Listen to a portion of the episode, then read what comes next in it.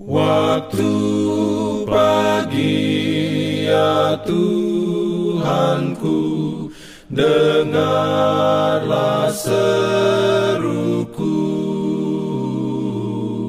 Melayang doa yang sungguh Memandang padamu. Selamat pagi pendengar Radio Advent Suara Pengharapan Mari mendengarkan suara Tuhan melalui tulisan pena inspirasi agama yang bersinar.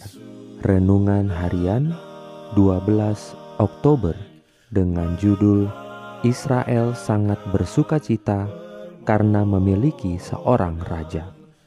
Ayat inti diambil dari 1 Samuel 11 ayat 15.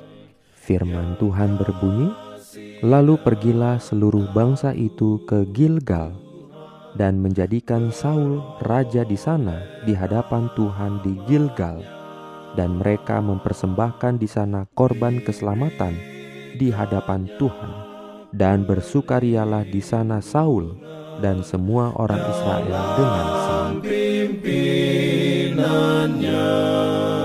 Urayanya sebagai berikut.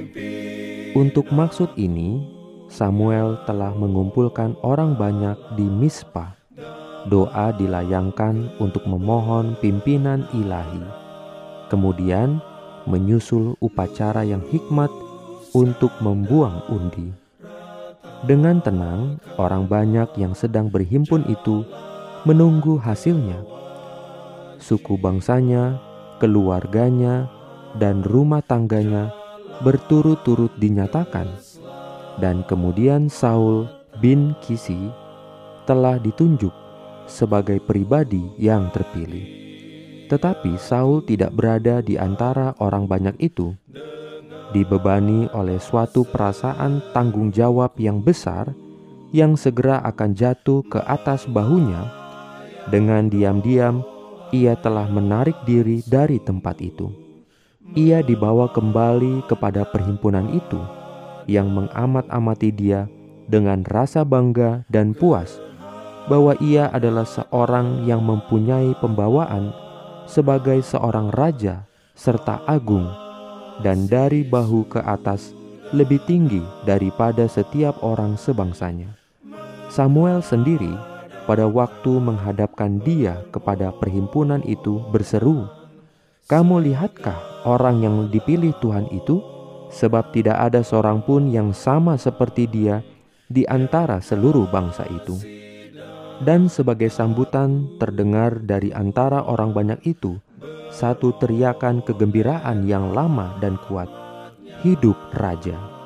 Sementara orang banyak itu pada umumnya telah siap mengakui Saul sebagai raja mereka, ada satu pihak yang jumlahnya besar yang menentang. Di dalam keadaan seperti ini, Saul merasa tidak layak menduduki martabat yang agung ini. Sambil meninggalkan Samuel untuk mengurus pemerintahan itu seperti sebelumnya, ia kembali ke Gibea. Di tempat kediamannya di antara dataran-dataran tinggi Benyamin, dengan diam-diam ia telah menyibukkan dirinya dengan tugas-tugas sebagai seorang petani dan membiarkan peneguhan wewenangnya kepada Allah. Sekarang Samuel bermaksud agar satu perhimpunan bangsa diadakan di Gilgal, agar di sana kerajaan itu secara umum diteguhkan kepada Saul. Hal ini dilakukan, dan mereka mempersembahkan di sana korban keselamatan di hadapan Tuhan, dan bersukarialah di sana Saul dan semua orang Israel dengan sangat. Amin. Diberikannya perlindungan dalam pimpinannya. Pimpin aku. Jangan lupa untuk melanjutkan bacaan Alkitab sedunia. Percayalah kepada nabi-nabinya yang untuk hari ini melanjutkan dari buku Amsal pasal 9. Selamat beraktivitas hari ini. Tuhan memberkati kita semua. Jalan kewajiban,